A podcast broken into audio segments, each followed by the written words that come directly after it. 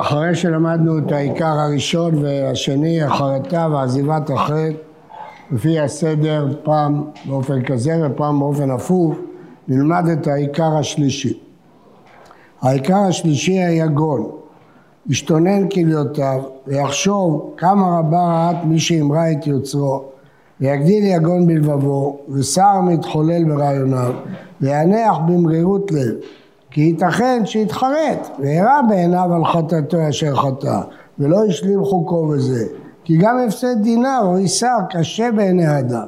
אך אם עבד עושרו בעניין רע ויצא נקי מנכסיו, נפשו עליו תאבל, תכבד חטאו, נפשו מרה לו, וכן על צרות רבות כאבו נצח ויגון מלבבו יומם, ויותר מהם הראוי שיצטער ויענח מי שאמרה את השם יתברך והשחית והיטיב עלילה לפניו ולא זכר את בורו אשר יצרו יש מאין וחסד עשה עמו וידו תנחהו בכל עת ונצר נפשו בכל רגע איך מלאו ליבו להכעיס לפניו ומדרגות התשובה ומעלותיה לפי גודל המרירות ועוצם היגון.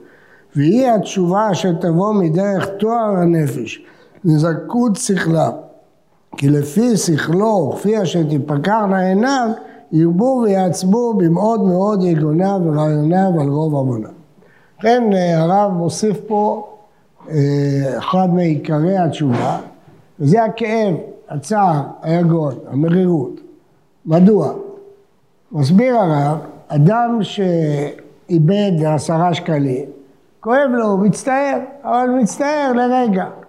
אבל אה, עשיר שעשה עסקה כושלת ואיבד את כל נכסיו ברגע ונהיה לפושט רגל, הכאב שלו הוא כאב עצום. היחס לחטא, השאלה אם זה יחס כמו לדינר, טוב, הוא לא הניח תפילין יום אחד, זה כאילו איבד עשרה שקלים, אז הוא עובר על זה לסדר היום. או שהוא מרגיש כאב עמוק בליבו, שהוא מרא בקדוש ברוך הוא, יש לו יגון, יש לו מרירות. לפי השכל שלו, מידה השכלית שלו, שהוא יודע מה הקרבה לאלוקים עושה ומה הריחוק מאלוקים עושה, היא מידת הצער שלו והמרירות שלו. אם הוא מתייחס לזה ב...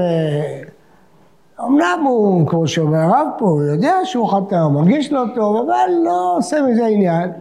אז סימן שההבנה השכלית שלו לעמידה של האדם לפני השם, למטרה שלו בחייו, היא לא נכונה. אם הייתה לו תפיסת עולם נכונה, הוא היה מבין את עוצם המשמעות של החטא. ולכן מידת היגון, כמו שבהמשך נלמד על מידת הבושה, מעידה על היחס שלו לחטא. בדיוק אותו דבר הוא יגיד על הבושה והכלימה.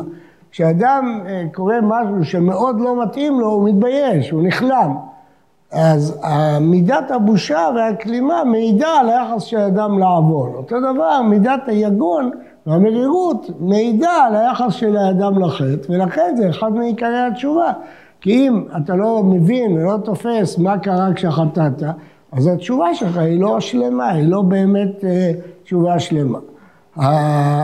המשפט הזה מאוד אה, התפרסם, הפך את אה, ספרי המוסר לספרים אה, מרירים או מרים שאנשים אה, נלחצים מהם. אבל האמת שצריך לדעת שכאב, צער, יגון, הם תכונות נפשיות שיכולות להיות בונות.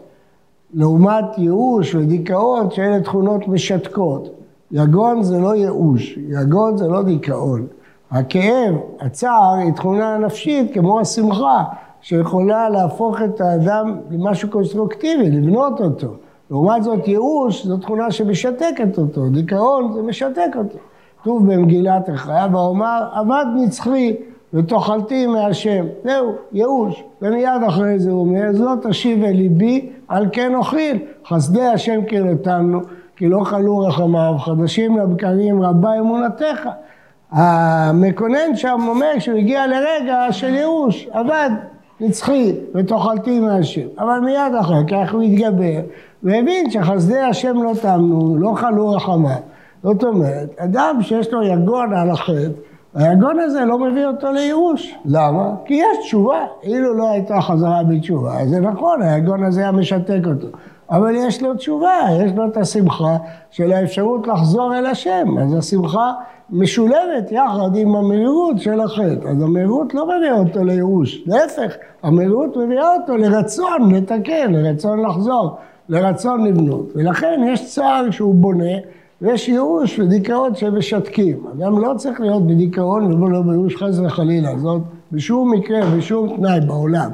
זה צדק מה שאמר הרב נחמן, שאין ייאוש בעולם כלל. אין דבר כזה, מושג כזה בכלל של ייאוש. לא יכול להיות אדם שהוא חי, אין מושג של ייאוש בכלל.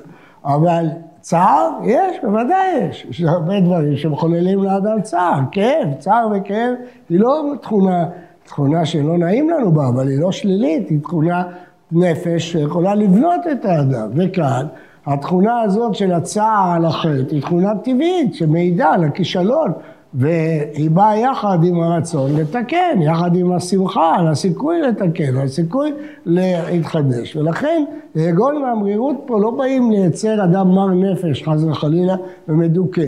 באים לייצר אדם שמודע לעוון הגדול שהוא עשה ורוצה לתקן אותו. וכך מסביר הרב את הפסוק בישעיה, כי לא לעולם אריב ולא לנצח אקצוף, כי רוח מלפניי יעטוף ונשמות אני עשיתי, באורו. כאשר יעטוף ויצטער הרוח שהוא מלפניי, כי הוא מן העליונים, ויעטפו נשמות אשר אני עשיתי, לא אריב עוד ולא אקצוף, כי איך לא אחון וארחם על נפש יקרה אשר היא מלפניי, ונשמות אני עשיתי. על כן יקל לעוון, כפי אשר תכבד עבודת ההנחה עליו. כי היגון יבוא מתואר הנשמה העליונה, ונרצתה בזה יותר מאשר תרצה ברוב ייסורי הגוף ובחובה. רואה הרב, הצער האמיתי שיש לאדם הזה שהוא עבר עבירה מתקבל יותר מתעניות, סיגופים, ייסורים, כאבים ומחלות. הצער, הכאב הפנימי, הוא מעיד על היחס הנפשי הנכון לעבירה, והוא מביא לזה שהשם מרחם עליו. כי כשהקדוש ברוך הוא רואה עד כמה כואב לו, עד כמה הוא מצטער שהוא עשה את העוון הזה, זאת התשובה הכי גדולה שיש, זאת התשובה. כואב לי שעשיתי את הדבר הזה, אני מצטער. ואפשר לראות את זה הרבה גם בעבירות של אדם לחברו. לפעמים אדם פוגע פגיעה קשה בשני, והוא בא ואומר לו, אני מתנצל, הדברים שלי הוצאו מהקשרם, כן? אז זה סתם משפט סתמי שאין בו טעם ואין בו כלום. רואים שאתה לא מצטער, רואים שלא כואב. אדם שבאמת מרגיש שהוא פגע בזולת, הוא בא אליו כשכואב לו, הוא אומר לו, כואב לי מאוד שבגללי נפגעת, אני מצטער על זה, אני לא ישנתי בגלל זה. אז לפי הכאב שלו, אתה יודע איך הוא מתייחס לזה, סתם הוא אומר, אני מתנצל. זה דברים בעלמא, זה דברים בטלים, אין להם שום תוקף. אבל כשאדם כואב לו, רואים את זה, שהוא בא ואומר לשני, פגעתי בך, זה כאב לי, אני כבר כמה זמן מסתובב עם זה, קשה לי, אני מרגיש שפגעתי בך, אני מבקש שתסלח לי, אז הוא סולח לו, כי הוא רואה שבאמת זה כאב בדיוק אותו דבר, בן אדם למקום. כשאדם, יש לו יגון, יש לו צער, יש לו כאב על החטא, סימן שהוא מבין מה זה החטא. ואז הקדוש ברוך הוא סולח לו, כי זאת התשובה, זאת בדיוק התשובה. לכן בן אדם מחשיב את הצער ואת היגון כחלק מעיקרי התשובה. ולא צריך לטעות במה שלימדו אותנו אדמו"רי החסידות, שצריך הכל בשמחה. נכון, הכל צריך להיות מלווה בשמחה על ההזדמנות שהקדוש ברוך הוא נתן לנו לכפר על עוונותינו. אבל החטא הוא מכאיב, הוא מצער, אנחנו לא שמחים על זה שחטאנו, אנחנו כואבים על זה שנכשלנו, ויש לנו צער ויגון. וזה בעצמו מביא לשמחה של התשובה. כשאדם מגלה את הכאב שלו, את הצער שלו, על ידי הרבה חלקים בפיוטים של הסליחות, של ימים נוראים, בנויים על הכאב הזה. על הצער, על היגון, מי שקורא את הפרקים בתהילים של דוד המלך, פרקי התשובה של דוד, רואה, רואה את הכאב העמוק שלו, את, ה, את הצער העמוק שלו, כאשר היו מעליבים אותו ואומרים לו, דוד המלך, הבעל אשת איש, מה דינו? ככה היו שואלים אותו בבית המדרש כדי לפגוע בו. הוא היה אומר שאני לא הייתי צריך אותם, ושרי היה שותת דם, ככה הגמרא מתבטאת, הוא מביא הפסוק קרעו ולא דומו, היה כאילו הבשר שלו נקרע לחתיכות מרוב הכאב שלו. כל מי שקורא תהילים יכול לחוש את הרגשות של דוד המלך על החטא. הוא מרגיש את הכאב, את היגון, את הצער, זה, זה הסימן הגדול ביותר של התשובה. הסימן הגדול ביותר של האדם כשאדם כואב לו מה שהוא עשה. ואותו דבר בין אדם לחברו.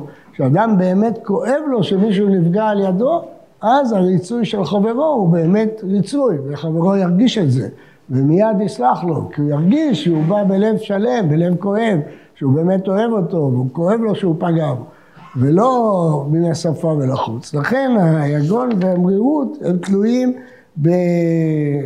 בתשובה, והרב מסכם את זה בפסוק בתהילים, אדוני נגדך כל תאוותי והנחתי ממך לא נסתרה, באורו.